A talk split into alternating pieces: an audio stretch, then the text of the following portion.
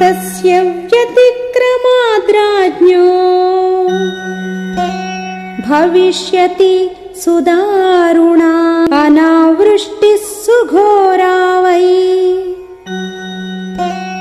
सर्वभूतभया